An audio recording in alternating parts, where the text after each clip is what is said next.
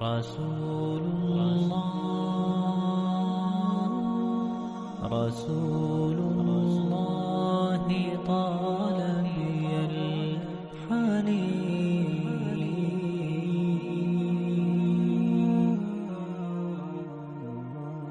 وأرق موجتي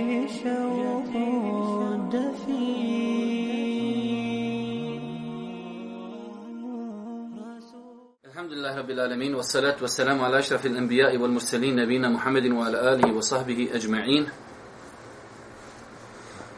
Doista svaka zahvala pripada našim gospodaru Allahu subhanahu wa ta'ala salavat miri selam na Allahu poslanika alaihi salatu wa salam njegovu časnu porodcu, njegovu uzor te ashabe i sve ljude koji slijedi Allahu poslanika alaihi salatu wa salam put istinu sudnjega dana. Vraću moja draga večera se družimo sa 19. hadisom. E, hadis, velik hadis, veoma koristan hadis, biografija Ibn Abbasa velika, tako da ćemo, e, tako da ćemo, ajde da kažemo, ići malo ubrzanim tempom e, nego što nam je običaj. Ajde da čujemo prvo privod hadisa, tekst. Od Abdullaha ibn Abbasa radi Allahu anhuma prenosi se da je rekao Jednog dana sam bio iz Allahovog poslanika, salallahu alaihi veselem, pa mi reče mladiću, podučić tu te nekim riječima. Čuvaj Allaha, Allah će tebe čuvati. Čuvaj Allaha, imat ćeš ga stalno ispred sebe. Kad moliš, moli Allaha, ako tražiš pomoć, traži od Allaha. Znaj, kada bi se cijeli umet sakupio da ti pomogne u nečemu, ne bi ti mogli pomoći osim samo ono, onoliko koliko ti je to već Allah propisao. A i kada bi se sakupili da ti ne nesu neku štetu, ne bi ti mogli nauditi više osim onoliko koliko ti je to Allah već odrijedio podigla su se pera i osuše sa strance. Bilježe ga Tirmizi i kaže da je Hasan Sahih. U drugim predajama mimo Tirmizi ne stoji Čuvaj Allaha, imat ćeš ga stalno ispred sebe. Znaj za Allaha kad si u blagostanju, Allah će znati za tebe kad budeš u oskudici. I znaj da ono što te mimojišlo nije te moglo zadesiti, a ono što te zadeslo nije te moglo mimojići. Znaj zaista je pobjeda u strpljivosti, izlaz u nevolji, a olakšica u tegome. Znači, ovo je zaista, zaista velik hadis. Vidjet ćemo poslije. Inače, vjerujem da velik broj vas zna da ovaj hadis ima posebna knjižica od Ibnu Ređepa, komentar samo ovog hadisa i to je štampano i prevedeno na bosanskom jeziku. Što definitivno ukazuje na mjesto ovog hadisa do te mjere da su islamski učenjaci znači, pisali manja tijela komentarišući ovaj hadis. E, da ne bi sad mi e, ponovo ponavljali ovaj hadis, njegovo značenje, e, mi ćemo ako bude kad se budemo komentarisali nepoznate riječi, kad budemo govorili o koristima hadisa, e, ajde da kažemo, dotakit ćemo se svega toga, ali evo, možda čisto da bi dobili jednu prijestavu o kakvom se hadisu radi, Allah poslanik Ali se sam jedne prilike sjedio na jahalici, za njega je bio Ibn Abbas, iako Ibn Abbas, znači evo vidjet ćemo dole e, u biografiji, E, maksimalno što je imao, maksimalno što su rekli historičari, je 15 godina kada je Boži poslanik preselio. A ovo se desilo definitivno prije smrti Božih poslanika, pa mu je Allah poslanik izrekao ovaj hadis i on ga je prenio ummetu, pa mu je kazao, mladiću, podući te nekim riječima, čuvaj Allaha, Allah će tebe čuvati. Može li čovjek čuvati Allaha? Ne može čovjek čuvati Allaha, ali u prenesenom značenju čuvaj ti Allahove granice, praktikuj ono što je naređeno, ostavi ono što je zabranjeno, pa će tebe Allah čuvati. Čuvaj Allaha, imat ćeš ga stalno ispred sebe. Definitivno Allah subhanahu wa ta'ala je iznad arša, iznad sedmog neba, ali misli se čuvaj Allaha, čuvaj njegove granice, pa će ti Allah Đeršanu neprestano pomagati. kada moliš, moli Allaha. Jednostavno, znači, kada čovjek moli, treba da moli samo Allah Đeršanu, misli se na stvari uh, u kojima nam ne može pomoći niko sim Allah. Insan ima smetnje da zamoli brata muslimana da mu pomogne, da ga odvuče doktoru, da mu nešto pomogne i tako dalje. Ali misli se kada moliš, znači stvari koje ne može da uradi niko sim uzvišeni Allah, onda znači moli samo Allaha. Ako tražiš pomoć, traži od Allaha. Isto. Znaj kada bi se cijeli umet sakupio da ti pomogne u nečemu, ne bi ti mogao pomoći osim samo onoliko koliko te već uzviše Allah propisao. Znači ovo opet sad ulazi u poglavlje kadera, poglavlje sudbine, oslonca na Allah subhanahu wa ta'ala, da insan e, i sve ovo do kraja govori o tome da insan treba da zna da znači nešto što ga je zadesilo nije, nije ga moglo mimoići, nešto što ga je mimoišlo nije ga moglo zadesiti. Pa insan nekad hoće neki posao, pa trudi se, pa pokušaj i to ga mimoišlo. Završena stvar. Asan takra u šeimu ahu hajru lekum. Možda vi nešto mrzite, a u tome je hajr za vas. Insan treba da zna nešto što me je mašilo, Allah zna zašto me mašilo, a nešto što me je pogodilo, Allah zna zašto me je pogodilo. Tako da je ovo jedan veliki, veliki hadis e, u donjem e, rivajetu kod imama Hakima stoji da znaj za Allahu blagostanju, Allah će znati za tebe kada budeš u oskudici. Veoma bitna stvar. Ljudi nekada čekaju mu sibe, čekaju nedaću i onda noćni namaz, onda dove, onda sadaka, udijeli sadaku, kaže, već se desilo udjeljuj sadaku dok si zdrav, dok si u blagostanju, dok nimaš problema. Bukvalno, to se može ono u nekom žargonu kazati, puni kredit, puni kredit dok si zdrav, dok si u blagostanju. Neka dođeš u tešku situaciju i sad bi ja nazvao, nema paša, ne možeš nazvat cijeni, pretplatnik nedostupa, nema. Ali ako si, za, dok si bio zdrav, napunio kredit kad zatreba, uzvišenje Allah subhanahu wa ta'ala će znati za tebe da čujemo nešto o Ibnu Abbasu radijallahu ta'ala anhu. Abdullah ibn Abbas ibn Abdul Mutalib al-Hashimi Amidžić Allahov poslanika sallallahu alejhi ve sellem. Nadimak mu je bio Ebul Abbas, rođen je za vrijeme izolacije Benu Hašima od strane Kurejša u Mekki oko tri godine prije Hidžrije. Historičar se razilaze koliko ima godina kada je preselio na Hiret. Vidite ova rečenica. Hajde, pročitajmo još jednu rečenicu, jednom rečenicu, pa da vidimo šta ste vi shvatili iz te rečenice. Historičari se razilaze koliko je imao godina kada je preselio na Ahiret. Mhm, da, nastavi. Jedni kažu 13, drugi 14, a treći kažu 15. I to je najispravije mišljenje kako je to zastupao ima Mahmed Rahmehullah. Historičar se razilaže koliko imao godina kada je preselio na Ahiret. Nije koliko je on imao godina, koliko je imao godina kada je poslanik preselio na Ahiret. Ovdje je fali riječ poslanik, ali je otišla skruz rečenca u drugom pravcu. Historičari se razilaze koliko imao godina kada je preselio na Ahiret. Koliko imao godina kada je poslanji preselio na Ahiret. E, par su neki rekli 13, neki 14, a neki 15 godina ovdje, znači fali jedna riječ i obavezno je dodati, to niko ima knjigu, ali pošto niko nema knjigu, onda niko neće dodati. Dobro, dalje od djece imao Abasa, ne, ali... Ne, o, za njega se. Za njega se govorilo da je more i tinta zbog mnoštva znanja koje je sakupio. Allahu poslanik sallallahu alaihi veselem je molio Allaha za njega da mu podari mudrost i znanje dva puta. Jedan put je rekao u dovi, Allahu moj podar mu razumijevanje vjere i poduči ga tumačenju Kur'ana. Drugi puta, kako kaže sam Ibn Abbas radi Allahu anhum, privio me Allahu poslanik sallallahu alaihi veselem na grudi i rekao, Allahu moj poduči ga mudrosti. Inače, Ibn Abbas, iako je znači, uživao blagodat da je bio lijepog porijekla, znači da je bio Amidžić Božijeg poslanika, s druge strane, bio je mlad, ali ga to sve nije spriječilo da e, ne bude ponizan u pogledu traženja znanja i poznata ona predaja kada je znači on jednom mladiću ponudio da idu zajedno tražiti znanje pa kaže halo zar, zar može biti vrijeme da će neko trebati mene i tebe mi smo mladinci tu je Bubekr tu Omer tu Osman veliki ljudi Ali Ibn Abbas je razmišljao dalje, doće vrijeme kad će Bubekar otići, Omer i Osman, ko će nakon njih e, naslijediti znanje. Pa je Ibn Abbas počeo da obilazi ashave i uzima od njih hadise koji su čuli od Božih poslanika. Pa je znao otići čovjeku, leći na njegova vrata, kod njegovog praga i čekati da čovjek iziđe, ne želijeći da, da pokuca. Pa kad bi ljudi izišli, kaže što ćeš tu, ti si Amidžić Božih poslanika, samo što nisi rekao, mi bi ti došli na noge. Ne, ne, znanju se dolazi na noge.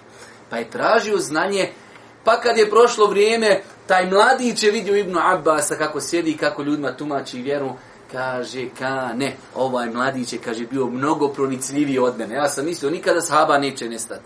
Ali on znao da će doći vrijeme, ali on iskoristio vrijeme, dok su još tu ashabi, veliki, stari, ugledni ashabi, njih je obilazio i od njih je pokupio mnogo, mnogo znanja. Imamo ovdje, znači, e, mnogo toga o Ibnu Abbasu, radijallahu ta'ala, oni koji žele da to čitaju, mogu čitati. Mi prelazimo na ocjenu hadisa. Hadis u vredostanim ocijenili Tirmizi i Albani, dobrim ga ocijenio Ibn Ređep, dok je slabim ocijenio El Ukajli. Šejh Abdullah Esad rekao je, što se tiče lanca prenoslaca ovog hadisa, u njemu nema smjetnje, ako Allah da. Predanje ima mnoge puteve kojima je preneseno tako da se njegova vredostost pojačava.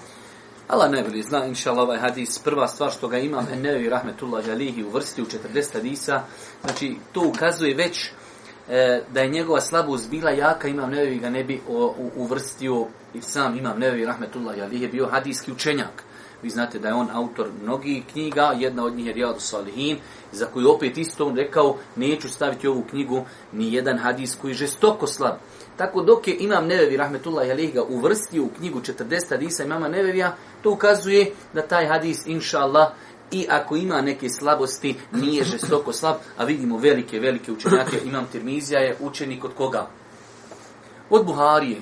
Znači imam Tirmizija, kad čujete, imam Tirmizija ocenio neki hadis i rodostojnim i zato ćete naći u njegovoj sunenu, kaže, pitao sam Ebu Abdillaha. Ko je Ebu Abdillah? Buharija. Pitao sam Buhariju za ovaj hadis pa mi rekao da je sahi. Pitao sam Ebu Abdullaha to pa mi rekao da je. Pitao sam Ebu Abdullaha ovom hadis pa mi rekao to i to. Tako da znači Tirmizija, kad čujete nešto rekao Tirmizija, to je vrh, to je učenik od imama Buharije. Pa sama činjica da je on ocenio hadis vjerodostojnim, šeha Albani svakako veliki muhadis ovog ummeta u, u, u današnjem vremenu, iako je šeha Albani umro, ali kažemo u današnjem vremenu, u našem stoljeću, tako da, inšala biznila, hadis, inšala hadis, uh, E, minimalno što možemo za njega kazati da, da je dobar, da je hasen, a isto tako njegovo značenje definitivno je ispravno. Vrijednost i značenje hadisa. Ibn Ređep rahmehullahu ta'ala je rekao, ovaj hadis sadrži u sebi brojne savjete i univerzalna načela o najbitnijim pitanjima vjere. Jedan od učenjaka je rekao, Razmišljao sam o ovom hadisu koji me je toliko zadivio. Skoro da sam od sreće poletio. Žalosno je stanje većine koji ne znaju za ovaj hadis i njegova značenja generalno znači velik hadis sa velikim poukama, sa velikim porukama e, objašnjava i pojašnjava velika temeljna pitanja akideta, tako da e, imamo ovdje više izjava, ali čisto da ne bi onaj bilo to na uštrb koristi, jer mašala autori su spomenuli 29 koristi iz ovog hadisa, pa će nam trebati više vremena, ali nam je bitno da pro, e, pročitamo pojašnjenje e, riječi iz hadisa. Znači, generalno je pravilo da islamski učenjaci kada pišu knjige, prije nego počnu komentarisati hadise, e, ukažu na određene riječi koje je veoma bitno da insan ispravno razumije. Pa da vidimo šta je. Bio sam iza Allahog poslanika, to jest sjedio zajedno na jahalici iza Allahog poslanika, salallahu alaihi wasalam. Dobro, to nam je jasno. Čuvaj Allaha, to jest boj se Allaha pa čini ono što ti je naredio a ostavi se onoga što ti on zabranio, čuvaj njegove granice, njegova prava, njegove naredbe i zabrane. Znači, kada Allah poslani kaže Ibnu Abbasu, ihfazillah, pazite, ovdje riječ je došla hiv, od, u arapskom inače hiv, znači nešto nahivzati, hiv, čuvanje nečega. U osnovi hafiz Kur'ana šta? On čuva Kur'an. Pa kaže Allah poslani ovdje Ibnu Abbasu, ihfazillah, ihfazk, čuvaj Allah, Allah će te čuvati ali ne može čovjek čuvati Allaha. Može Allah Đelšanu samo čuvati insana, ali misli se čuvaj Allahove propise, čuvaj Allahove granice, čuvaj ono što je naređeno, čuvaj ono što je zabranjeno, pa će te Allah čuvati. Dobro? Allah će, te, će tebe čuvati, to jest Allah će čuvati i štiti tebe i tvoju porodicu, tvoju vjeru i tvoj dunjaluk, a naročito prilikom smrti volio da imamo vremena. Juče sam držao dole za sestre kod eh, šeha Nihada predavanje, pa sam baš malo zaustavio se kod jedne dove. Počeli smo dole jedan serijal gdje smo govorili o, o iskušenjima Allahu poslanika, ali se vratu se nam, pa smo napravili jedno uvodno predavanje, ali interesantno da Allahu poslanik ima te jednu dovu. Dosta se puta uči dole u Haremima, u Mekiju, u Medini, dosta puta se može čuti nakon na vitru namazu, da Allah poslanik između ostalog Allahumma aksim lena min hašijetike ma tahulu bihi bejnena u bejne masijetike dova je poduža ali između ostalog kaže wala teđal musibetena fi dinina nemoj gospodar učiniti da nas zadesi musibet u našoj vjeri pa je vraću moja draga veoma bitno da insan pazi na svoju vjeru čuvaj Allah, čuvaj, te, čuvaj Allah, pa će tebe Allah čuvat, čuvaj Allahove granice. Najbitnija stvar na dunjalku je tvoja vjera. Sve će biti proć. Čovjek se može razboliti i umrije. Čovjek može biti bogat pa osiromaš, može biti siromašan pa obogatit, može biti ugljedan pa postati neugljedan, biti neugljedan pa postati ugljedan. Sve može biti i proć. Ali vjera je najbitnija stvar. Zašto? Zato što od nje zavisi naša budućnost, naš ahiret. I koliko je ljudi, zato kažem, braću moja draga, samo molite Allah, Đelšan, da nas učvrsti. Allah poslanik je često dovio, ja mu kalbi al kulubu, ala psa sebit kalbi ala din, gospoda, učvrstuje na putu istine. Najskuplja stvar je naša vjera. Najbitnija stvar o kojoj insan treba brinuti je vjera. Koliko je ljudi koji, kojima je Allah, nakon što su saznali istinu, pa mu se malo otvorila vrata, nekretnina, malo um, parcela, malo arafa, ošla vjera, ošla ahlak, ošla poroca, ošlo sve. وَلَا تَجْعَلْ مُسِيبَتَنَا فِي دِينِنَا Gospodaru, nemoj da nas zadesi musibet u vjeri. Koliko je ljudi koji su špijuni, koliko je ljudi koji su munafici, koliko je ljudi licemira, koliko je ljudi koji, koji su prodali svoju vjeru, kako god hoćeš, da ti on puše lijevo, sutra mu dadneš para, puše desno, sutra mu dadneš para, šuti, sutra šuti, sutra mu dadneš para, priča, priča. Prodo dunjalu, prodo ahiret. Znači, sve dok insan ima musibete u dunjalučkim pitanjima, ja da kažem, elhamdulillah, ali kad te zadesi musibet, uvjeri, kad ti srce pocrni, kad, kad vidiš da ideš u grijehe i nema nikakvog senzora da se pali, ideš u grijehe, frendice, frendovi, dopisivanje, e, lažeš, petljaš, potvaraš, gibetiš, zakidaš, prodaješ minska polja Arapima, boli te, briga. Znači, paša, to je musibet fi dinik, u dinu tvome. To nije musibet u dunjaluku, to ti je musibet u vjeri. Ode ti vjera, izgubi vjeru. Što kaže jedne prilike, davno, nekad Mustafa Efendić, kad dođeš na sudnji dan, ako nemaš la ila ila, nema, to se ne može kupiti. To kad izgubiš, ne možeš otići neđe u prodancu, evo ja sam 15 godina sad malo, nisam bio u trendu malo, i sam sad bi se puno vratio ne mere srce paša, ti možda i hoćeš, ne mere, ogrijezu, bio si 10 godina klanju, pa onda, ha, otvorio se dunjalog, pa idemo ovdje, idemo ondje, idemo ovako, a, e sad, a ti u posljednici non znaš da to ne velja. E sad, e sad sam oče, e sad bi opet tamo. Ej, a ne mere paša. Zato što ljudska srca, gdje su ljudska srca? Kod uzvišenog Allaha subhanahu wa ta'ala u njegovim rukama. Pa ti, ti vidiš, ti volio, vidiš braće odošli nader, sve u džemat. Na, Nemer, ti kuda moraš u Minsko polje? Nemere, teško. Pa čuvajte vjeru, čuvajte vjeru. Poslanik kaže, doće vrijeme kada će onaj ko bude držao islam biti ko onaj ko drži žeravicu. Prži ljudi, prži mene, Allah mi, prži i vas zajedno sa mnom. Ni kriv, ni dužan, moraš čitaj život se dokazivat da nisi ekstrima, da nisi teruran, da, da želiš ovom narodu dobro, da ne gaziš mrava. Čoveče, ja pazim mrava kad idem ulicom, tako mi Allah kad vidim mrava, ja ga zaobiđem. I neko hoće da napravi od tebe gorilu, da napravi od tebe ekstremistu, da hoće da napravi od tebe teroristu, čoveče.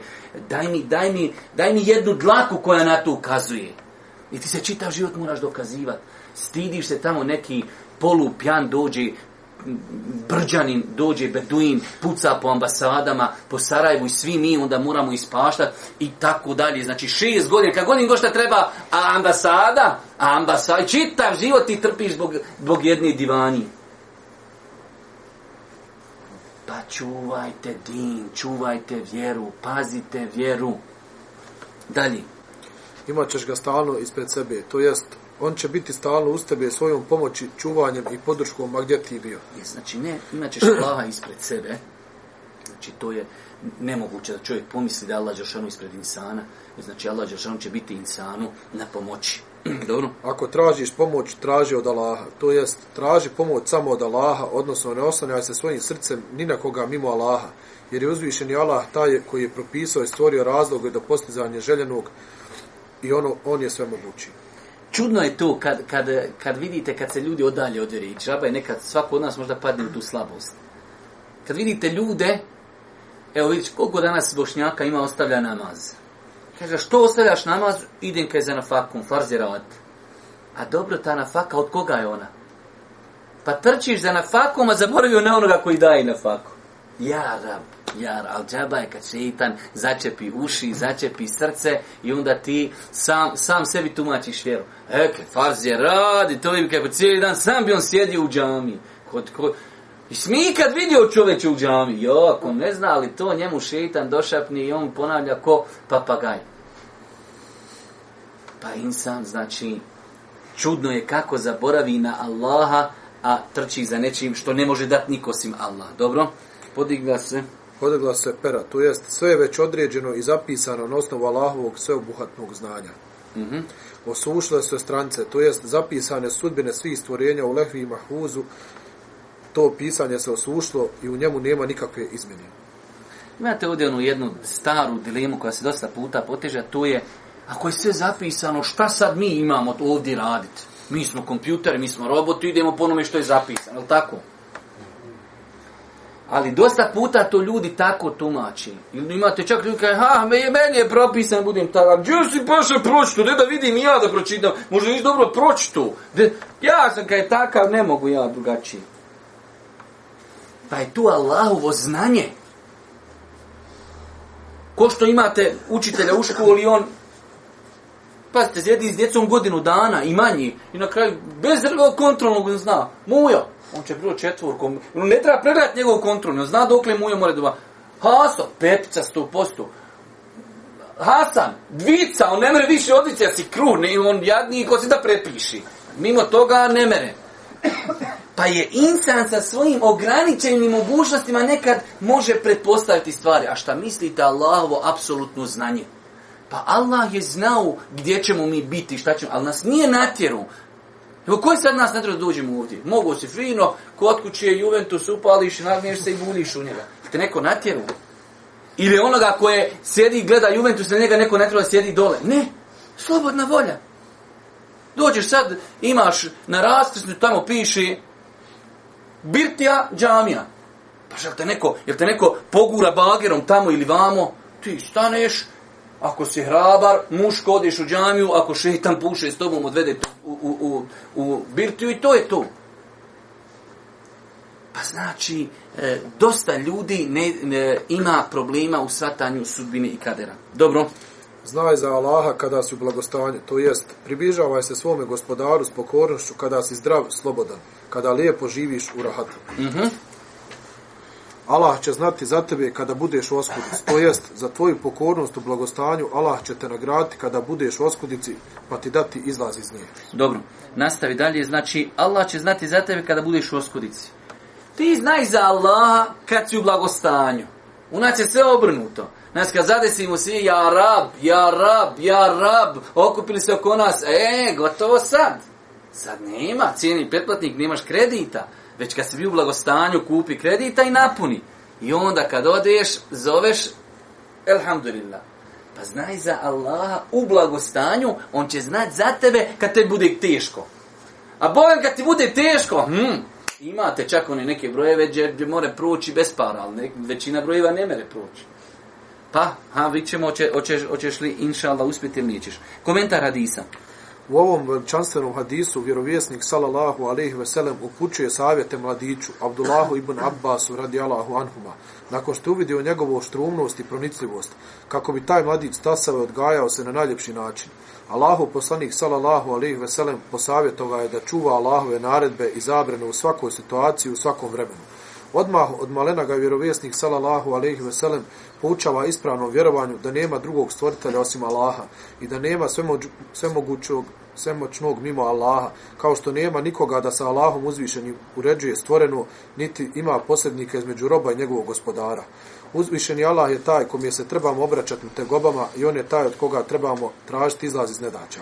To je znači inače jedna od velike koristi ovog hadisa koja će odmah doći na početku jeste činjenica E, da je Boži poslanik ovaj hadis izrekao jednom e, mladiću u to vrijeme koji je bio, hajde da kažem, u našem nekom žargonu današnjeg vremena, znači izrazito mlad, ali Ibn Abbas to zapamtio i prenio umetu i živio po tome. To isto ukazuje da i mi svoji djeci, e, znači u tim nekim godinama već o ozbiljnim temama možemo govoriti da djeca u 14. 13. 15. godini već mogu razumjeti ovo su E, jednostavne, ali teške teme koji čovjek na kojima treba da se izgradi njegova znači akida i njegovo vjerovanje.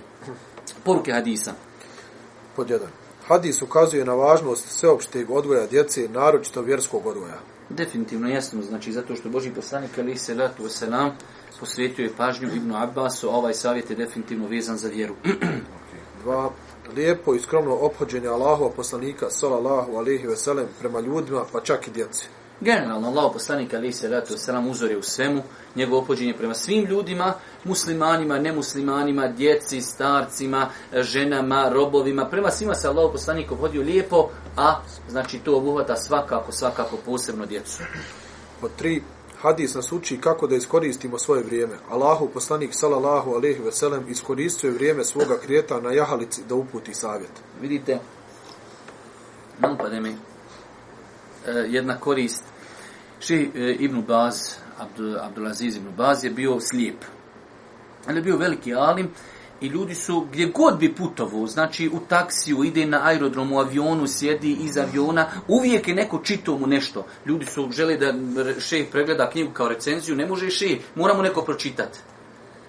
Pa znači še je dnevno provodio sate i sate slušajući šta mu drugi čitaju. Pa jedne prilike sjeo u auto, trebao je do aerodroma par minuta da se vozi samo i kad je sjeo, imate nešto za čitati, kažu nemamo ništa. To be jarom, kad nemate ništa za čitati. Znači njemu je to bilo velika, sad idemo do aerodroma par minuta u auto i nećemo ništa čitati.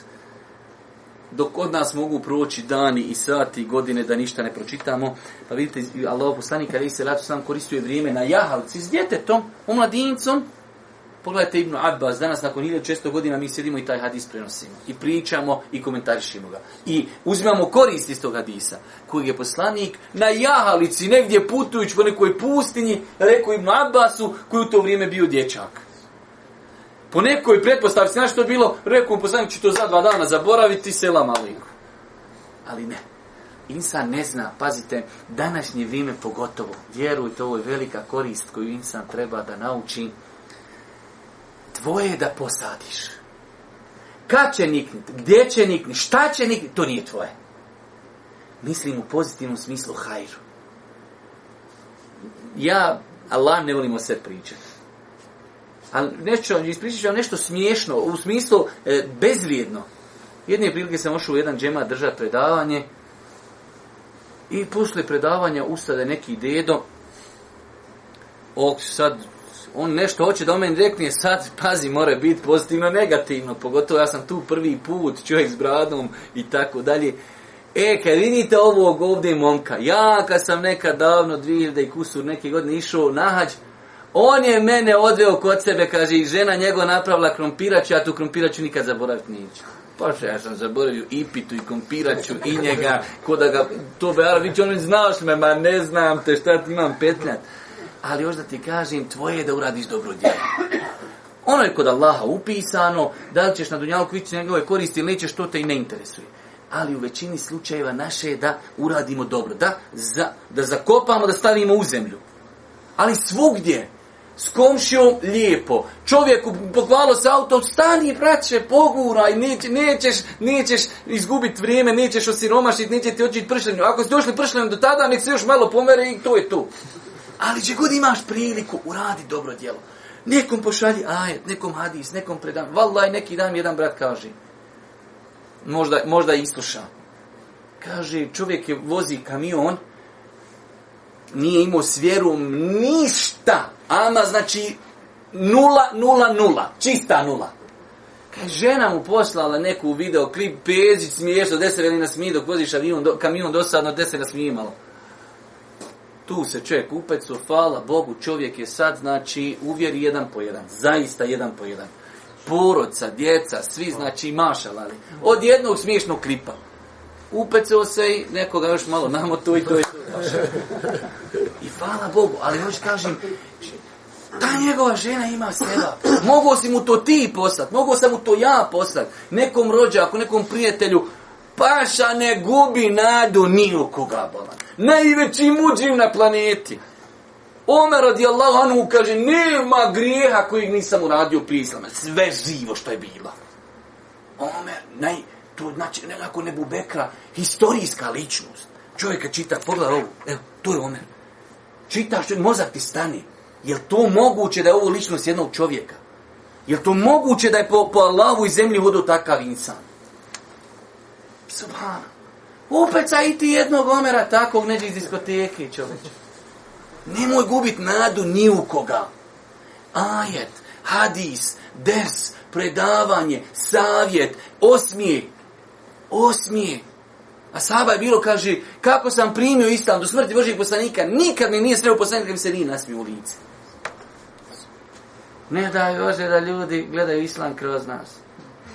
Ne da bi ošli od islama, primili bi dole, ono, neki dan na video klip što majmunu ljube ruke. Ljudi obožavaju majmuna. Majmuni po glavi lupa. Ozdali, biš čeće, majmun čoveče, upustili ga. Razumiješ, obožavaju majmuna.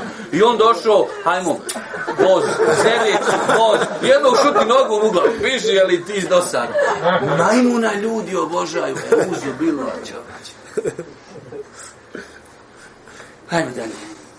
Broj četiri prema mlađima se postupa milostivo upravo kao što Allahu poslanik sallallahu alejhi ve sellem postupao u ovom hadisu i kao što je rekao u drugom hadisu nije od nas onaj koji ne poštuje naše starije i koji nije milostiv prema našim mlađim. Svakako, znači opet se vraćamo na ovaj postupak da čovjek treba da maksimalno bude milostiv prema djeci umeta generalno. Broj 5. Posebna vrijednost i odlika u islamu plemenitog ashaba Abdullaha ibn Abbas radijallahu anhuma jer je Allahu poslanik sallallahu alejhi ve sellem upravo njemu a islamskom umetu uputio je zgrovitu oporuku. Definitivno Abdullah ibn Abbas, znači i zbog ovog hadisa i bez njega ima velike druge odlike, znači da je bio e, poznati, poznati alim i poznati tumač Kur'ana, tako da Ibn Abbas je e, mnogo veći od toga da da se može, što bi rekao, spomenuti u jednom, jednom rijetku dalje. Broj šest. Onaj koji želi da uputi bitan govor, neophodno je da mu napravi uvod, put, putem kojeg će privući pažnju, kao što ovom hadisu Allahu poslanik sallallahu alejhi ve sellem rekao: "O mladiću, doista ću te ja podučiti bitnim riječima." Također poželjno je kod važnog govora koristiti riječi koje će probuditi interesovanje i pažnju kod slušalaca. Ovo je više pedagoška metoda, znači čovjek kad hoće nekom i nešto reći, e, bitno je da, da ga pripremi, Jer jednostavno, ako čovjeku nekad nešto rekneš, a on nije spreman, zaista postoji mogućnost da ta informacija prole. Ali kad ti čovjeka čeka, staš nešto reći, veoma bitno. Da čovjek, da ga priprim, da se on jednostavno skoncentriši na to. Ja znam jednog daju našeg, a poslije sam i ja malo glumio tu njegovu u foru, kad odeš, kaže, kod neke bitnije lečno, ličnosti, moraš nešto uradit, kada ima vas puno, moraš nešto lupit, nešto uradit, da tebe zapamti, jer te, tebi u interes poznemo rekneš, ja sam, aha, znam te. I znači, tako te moraš, znači, jednostavno čovjeka na neki način pripremi da on nešto zapamti.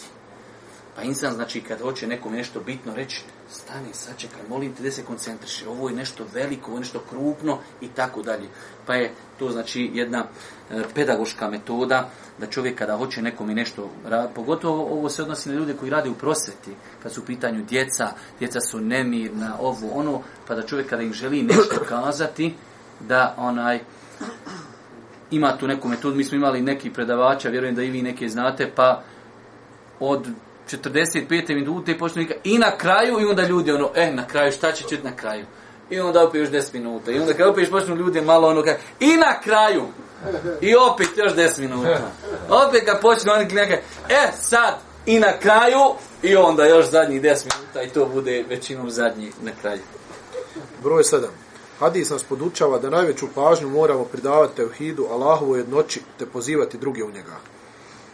Ja bi ovdje nako dodao jednu malu opaskicu, definitivno ova koriste na mjestu 100%, samo želim ja da vam ukažem jednu drugu stvar, to je nerijetko nama znaju prigovoriti dajama kao pričate o sporednim stvarima, ne pričate o teohidu, ne pričate o tagutima, ne pričate o širkijatima i tako dalje.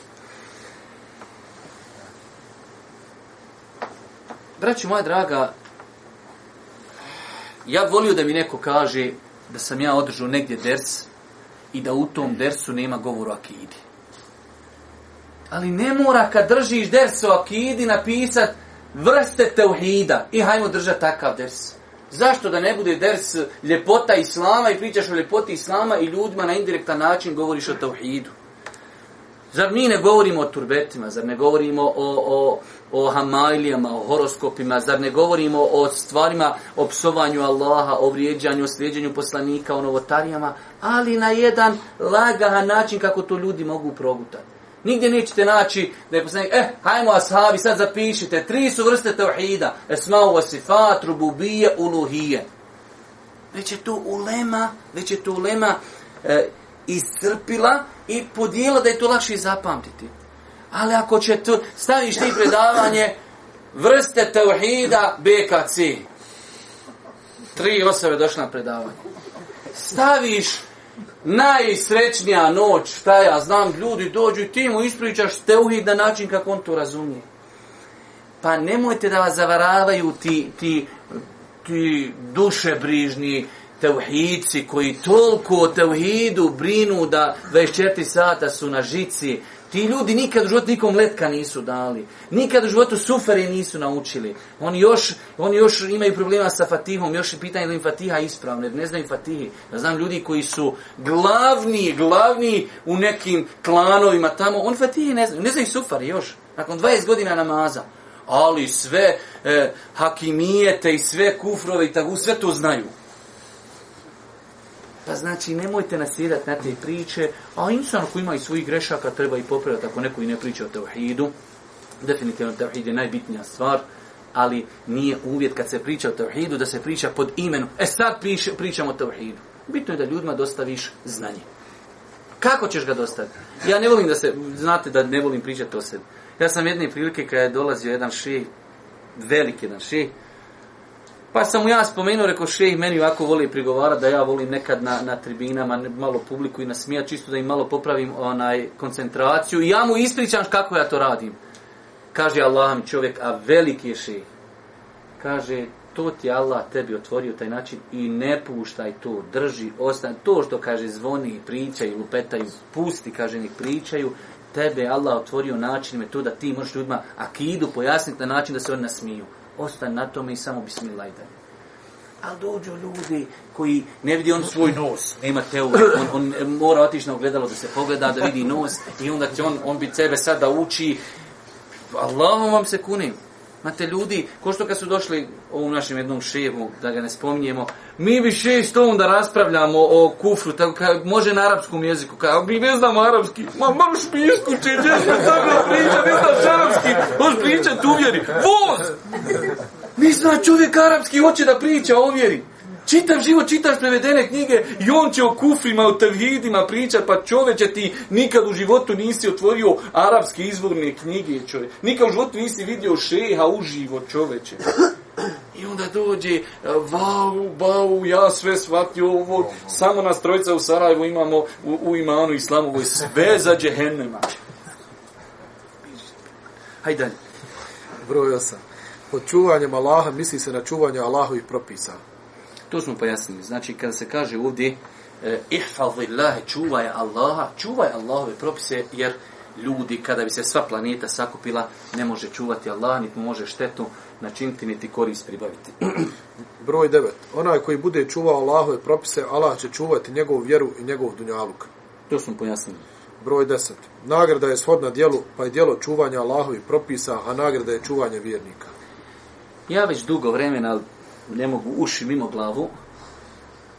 Našao sam jednog šeha knjigu od dva toma, gdje šeji navodi primjere iz Kur'ana i Suneta kako islamu, kad god uradiš neko djelo, budeš nagrađen shodno tom djelu. Ne da ti sad uradiš neko djelo pa dobiješ neku nagradu. Ne, ne. Dobiješ nagradu shodno tom djelu. Pa je ovdje, čuvaj Allah, nije nagrada bila, učeš u džennet. Ne, čuvaj Allah, pa će tebe Allah čuvat.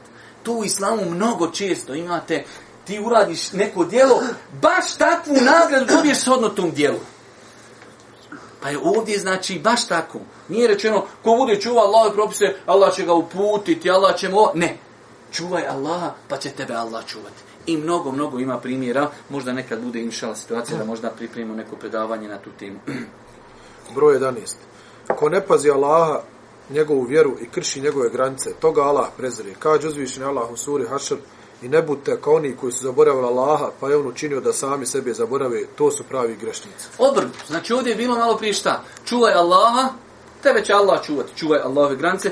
Ne čuvaš Allaha, neće te Allah čuvati. A kad si prepušten sebi, Boži poslanik, ali se ratu se nam kaže, Vola te kilni ila nefsi tarfetajn, poslanik i Arab vidio svojim očima džennet, vidio svojim očima džehennem, bio kod uzvišenog Allaha iznad sedmog neba, I opet kaže gospodaru, nemoj me prepusti meni koliko je treptaj oka, ovoliko. Eto. Poslanik neće da bude bez Allahove pomoći i nadzora koliko je treptaj oka.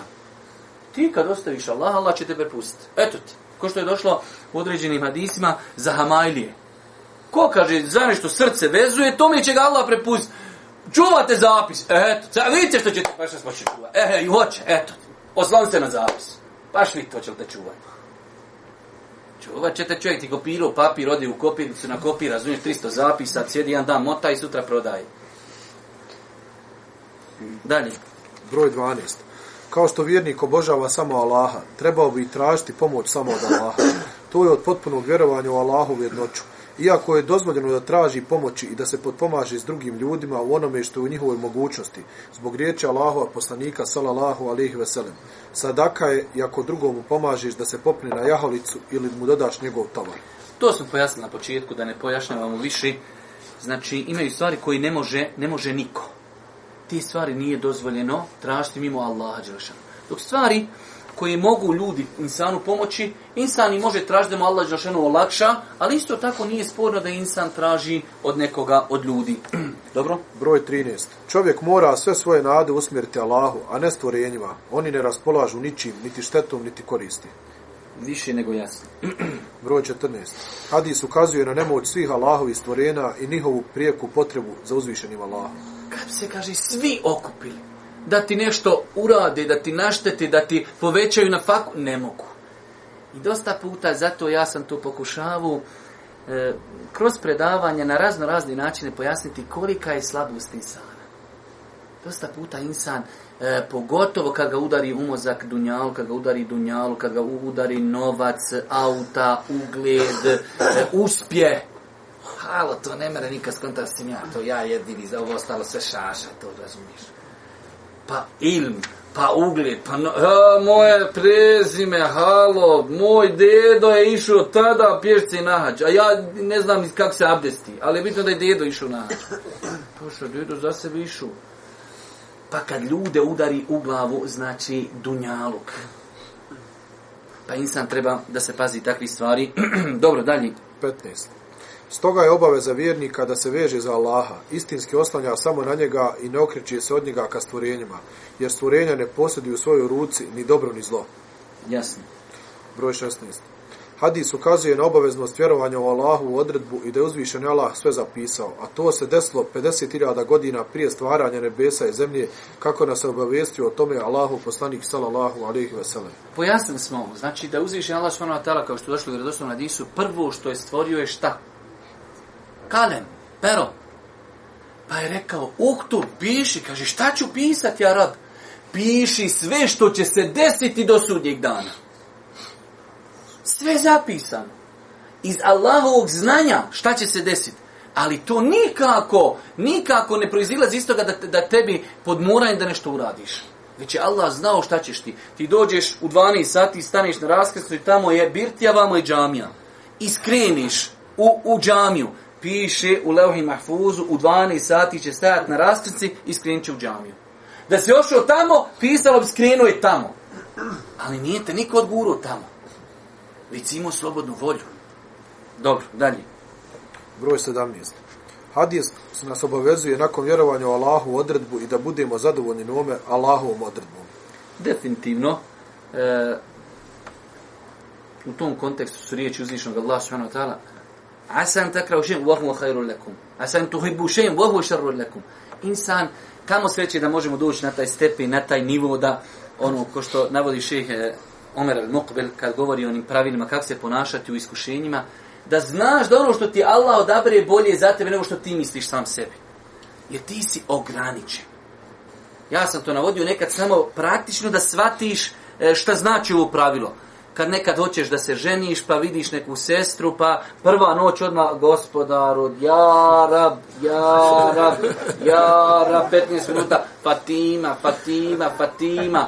Sutra dan odeš tam kod nekog prijatelja, kaj Fatima, e uzu, bila molja, Allah da te samo od nje udali. Šta je? Pa to je najgora žena u Sarajevu. Sam čekaš da činu zadnju noć, ja rab, nemoj sam Fatima, o ja rab, nemoj sam Fatima. Zato što ti ne vidiš dalje odnosa, dovlje vidiš a gospodar tvoj zna šta je za tebe hajr. Hasan tekra u šenje, nešto nekad sjeti se, stakfirullah, šta je ovo? Allah zna za tebe da je to hajbala. Allah je hakim, Allah je mudri. A u svemu tome imamo veliko poglavlje u našem životu. Mora biti iskušenja. Allah poslanik Ali Selam kaže, najveća iskušenja imaju poslanici. Nakon toga oni koji su njima najsličniji. Pa kaže, ako u čovjeku u vjeri bude žestine, salabe, salabe je nešto tvrdo. Kaže, tako ćemo biti jaka iskušenja. Budemo, kaže, fedini i rika. Bude vjera, ha, stora. Toliko ćeš imati iskušenja. Kaže, maša, nikad iskušenja. Maša, ti mi je bilo, aj čoveče. Sve mi kaže, ide, kako god ja na nijetim tako bude. Paša, vala ilhamdula, nek ti ide tako, nešto je problem čoveče. Poslanik bio poslanik, ja rab kad počneš čitaš šta je poslanik imao iskušenja, vala da osjediš samo slušajući šta imao iskušenja naj, najdraži rob gospodaru Muhammed Ali Selam toliko iskušan. Pa insan znači mora biti iskušenja. Da se pokaže hasibe nasu jutra kun jekulu amenna vahum la juftenun. Misli li ljudi da je dovoljno kažu mi vjerujemo, neće biti iskušani. Nemoguće. Moraš biti iskušan. Šta su ljudi prije nas trpili? Pogledajte historiju ashabit, poslanika, šta su poslanici trpili. Pogledajte historiju naših poslanika. Pogledajte historiju ashaba, šta su trpili. Poslanik navodi primjer, znalo se desiti u prijašnjim narodima, da su čovjeka dovedu i prerežu ga preko pola glavi, kaže, ali ga to ne odvrati od njegove vjeri. A šta nama dođu Arapi na, na dvije nekretnine, zaradiš 10.000 maraka i će se s tom ne mre pričati. Tako mi je Allah, Zavišnji. Ljude su rezali popola i to ga ne odvrati od njegove vjeri. Ne se odvrati od vjeri na karci kad imaš 20.000 maraka. Dalje. 18. Niko ne može promijeniti Allahu odredbu i ono što je zapisano. Podigla su se pera i osušle su se strance. Ovo je generalno, znači da ono što je zapisano se ne može promijeniti. Imamo nešto o čemu je govorila islamska ulema, kad su u pitanju imate primjer radi oni hadise, produženje na fake, povećanje životne dobi, ko obilazi rodbinu ili ili tako dalje.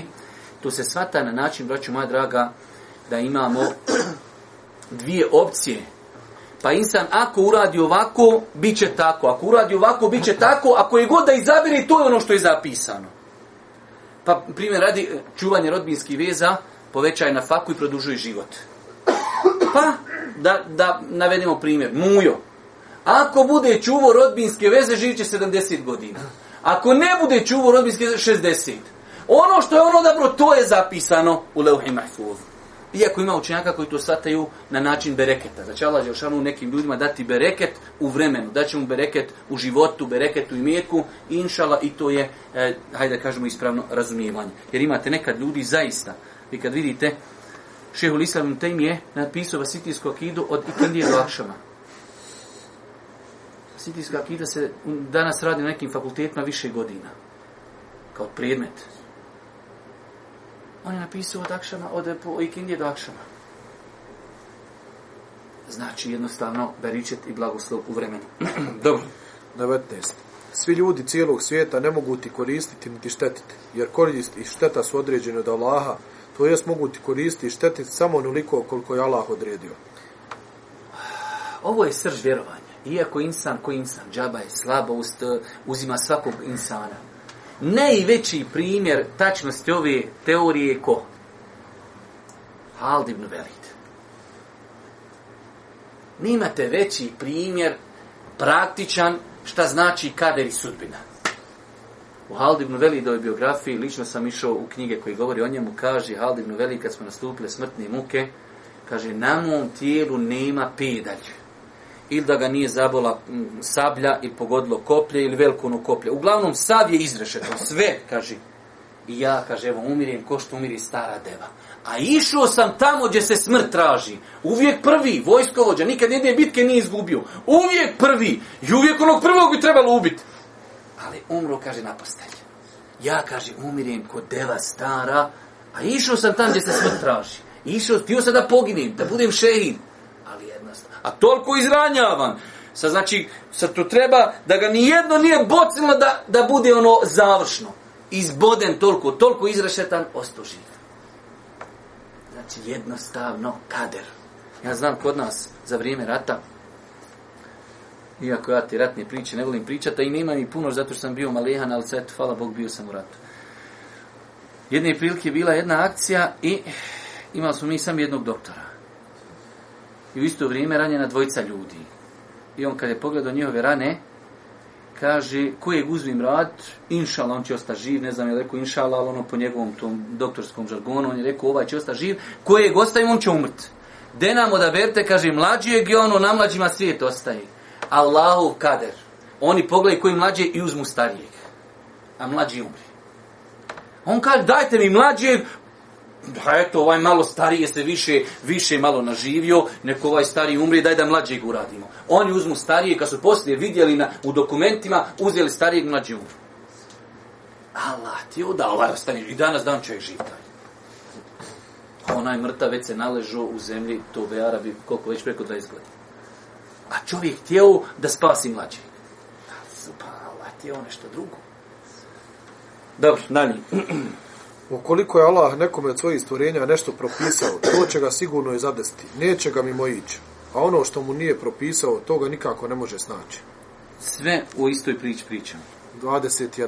Hadis uči muslimana hrabrosti, smjelosti i odvažnosti, izgrađujući kod njega ubjeđenje da je koristi steta jedino kod Allaha, kada ga ništa od toga ne može snaći osim sa Allahovim, dopustom. Do, osim sa Allahovim dopustom. Sve isto, svakšno.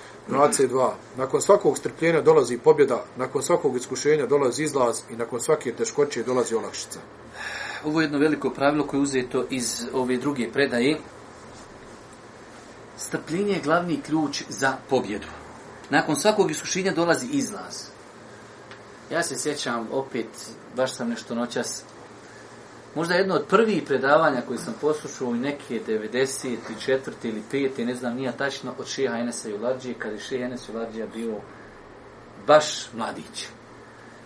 I on je tada ovu, ovu teoriju spominjao, kaže, ljudi, uvijek poslije noći mora doći zora. I zaista. Koliko god da ima iskušenja, moraju proći. Doće razgala, doće rješenje, ali moraš se strpiti. Kako god dođe noć, traje, traje, sutra dan dolazi sava, dolazi podne. Pa znači, to je velika stvar, insan kad zna, zadeslo mi nešto, strpi se, sjeti se dženneta, sjeti se nagradi. Ja sam jučer malo kod sestara obrađivao smo zaista dosta hadisa koji govori o iskušenjima. Allah poslanik Ali Selam kaže, kada se dođe na sudnji dan, kada oni koji nisu imali iskušenja, vide kakve nagrade uzimaju oni koji su imali iskušenja, kaže, poželjet će da su njehove kože kliještima čupane na dunjalku. Da su i tako mučili da su i kliještima, znači, cijepali. Koliki je nagrad. Znači, pa zadaj su te musibet, alhamdulillah. Boži poslani kaže, primjer mu'mina je čudan primjer. Ađe ben jemri mu'min. Uvijek, kaže, na dobitku.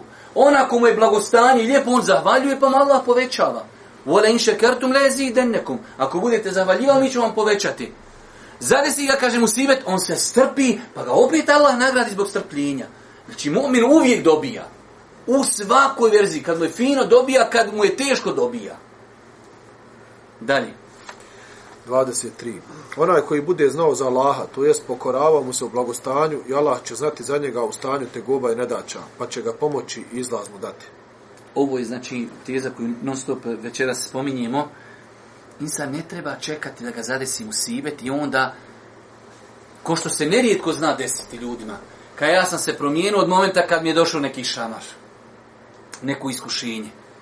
Pa insan treba prije nego što ga zadesi u sivet da zna za Allaha u blagostanju, pa kad mu zatreba da onda kaže ja rab, šta su rekli, šta su rekli meleki kad je Junus alaih selam zikrio u utrobi rob, e, ribe?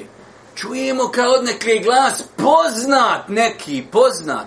Zato Allah Žešano kaže, a da nije bio od oni koji su prije zikrili, ostao bi on i dalje utro bi ribi, ali zaradio, zaslužio, poznat glas, ti zoveš mu kova, ovaj nepoznat, daj upiš ga tam prvo, da otvorimo me lev, tamo, otvorimo tamo kartu, pa vidimo će li kad doći na ribu.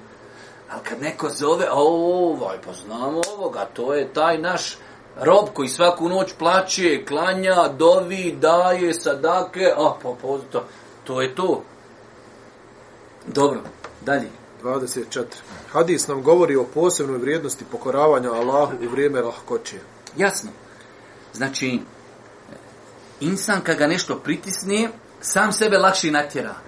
Ali u blagostanju, ah, fino, brate, daj daljinski, daj plaznu veća od ovih gore. Oš, to je fino, sad igrači većina na, na, na, na televizor, nego uživo. Sad ih lepše gledat gore. I ja, rab čoveče, kamere, sve pa usporen snimak, pa vrati, sje, uči jezan. Idemo dalje. Filmovi, serije, hodanja, mora, oh, što je fino. Pa, med, inšala, inška bude 60 godina i ja ću nahađ i oni još dvije godine obavim i to je to. E, tada, kad si u blagostanju, kad je fino, kad si bog, kad si zdrav, e, razbolio se, e, ima li kakva doba? E, gotovo. to paša. Sad, kanja gore doktore, nema doba za te više. Blagostanj, da si zdrav. A to je Boži poslanik kad govori o sadaki, kaže, najbolja je sadaka kad udjeljuješ, a i tebi taj metak potreban. I ti bi vo, jednostavno natičeš se sa imetkom. E, to je. Tako da insan znači posebna vrijednost pokornosti Allah u blagostanju. Vidjeli ste kad je bio rat? Dole u Zenci, ne znam ima liko ovdje od Zenci, dole ima jedan šipad, veliki salon namještaj. U šipadu se kle, ne možeš, ne možeš, znači salon namještaj ste punili. Potpisan Dayton, prazne džami. Jarab. A osim, znate kad, kad se vrate opet u šipad? Kad zemlja tvoje spočne u tri Zencu. U Zenci, dok bude zemlja tvoje, sam vam sabah u pune džamije. Mi im priča da jedan čovjek, ano, prvi dvije godine, dvije, kad su mi bili zemlje, ti su zemci. Zenca se svu noć ljuljala, kaže, sutra u dneve, šu, travja, bajram, čoveče, ljudi na ledima se šta čini. Drese se, drese, a šipad. Ja, rab, što čekaš, šipad, bolam, budi uvijek pokuran.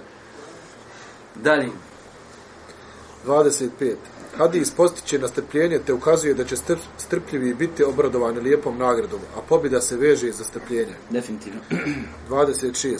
U hadisu se nalazi radosna vijest za one koji su u nevoljama, neka čekaju olakšanje i neka budu ubjeđeni da kad god neku osobu snađe iskušenje po teškoća, uzvišeni Allah će dati olakšanje i izlaz. Mislim, znači, kada zadesimo sibet, mi smo ovdje govorili treba da zna da ga to nije moglo zaobić, treba da se strpi i treba da vezuje se za Allah Đelešan. Te tri stvari, znači insan ako ispuni, on je, on je uradio ono što je mogo. Treba da zna da ga to nije moglo zaobić, da moli Allah Đelešanu da, da ga nagradi zbog njegovog strpljenja, da mu podari izlaz i da se strpi. Završena stvar, ništa više. Dalje. 27. U hadise potvrđuje Allahova dobrota prema njegovim robovima, jer daje izlaz iskušenja i olakšava nakon poteškoći. Svakako. 28. Hadis nas postiće da imamo lijepo mišljenje uzvišenom Allahu, te da ne zapadamo očaj, jer on uzvišen i daje izlaz iz svakog iskušenja i daje olakšanje nakon svake tegobije. La taqnatu min rahmetillah. Nemojte gubiti nadu. Čak ima učenjaka koji kažu haram je izgubiti nadu Allahu milost. Ne gubi nadu. Ali E, sve ima što bi rekao svoje i razloge, ima granice. Nekad insan boli te nešto 3-4 dana, pogledaj šta ljudi trpe u jednoj Siriji, u jednom Iraku, pogledaj šta ljudi trpe u Jemenu, pogledaj šta su ljudi prije tebe trpjeli, pogledaj u poslanike šta su trpjeli. Pa znači insan da, da ne požuruje, Olakin nekom kaumun te sađilun, kad su došli Božijim poslaniku, Božiji poslanik jedne prilike nastavili makijabu, pokažu Allah u poslaniće, dosadlo nam više iskušenje, kureši nas toliko uznemiravaju. Kaže, znači, to će vrijeme kad će čovjek, kaže, iz jemena hodati, žena, kaže, sama na jalici, neće nikog bojati. Ali vi žurite. Pa insan nekad, malo mu sivet odmah, ja, rab, dokače, otkače. Koliko si godina bio u blagostanju, tako ti Allah? budeš 10 godina u blagostanju, 15 godina, u generalno si u nijametima. I dođe onda iskušenje koje traje mjesec, dva, do ovdje ti. Dani. Dunjaluk je mjesto iskušenja i poteškoća, jer da, jer da na njemu nema toga. Ne bi nas Allahu, poslanik sallallahu alaihi veselem, upozoravao na njih, te savjetovao kako da se s njima nosimo. Molim Allah da šerom da nas učisti na putu istine. Molim ga subhanahu wa ta'ala da budem nosi nas u jednom danu na kraju subhanaka Allahumma wa bihamdika ashhadu an la ilaha illa anta astaghfiruka wa atubu ilaik.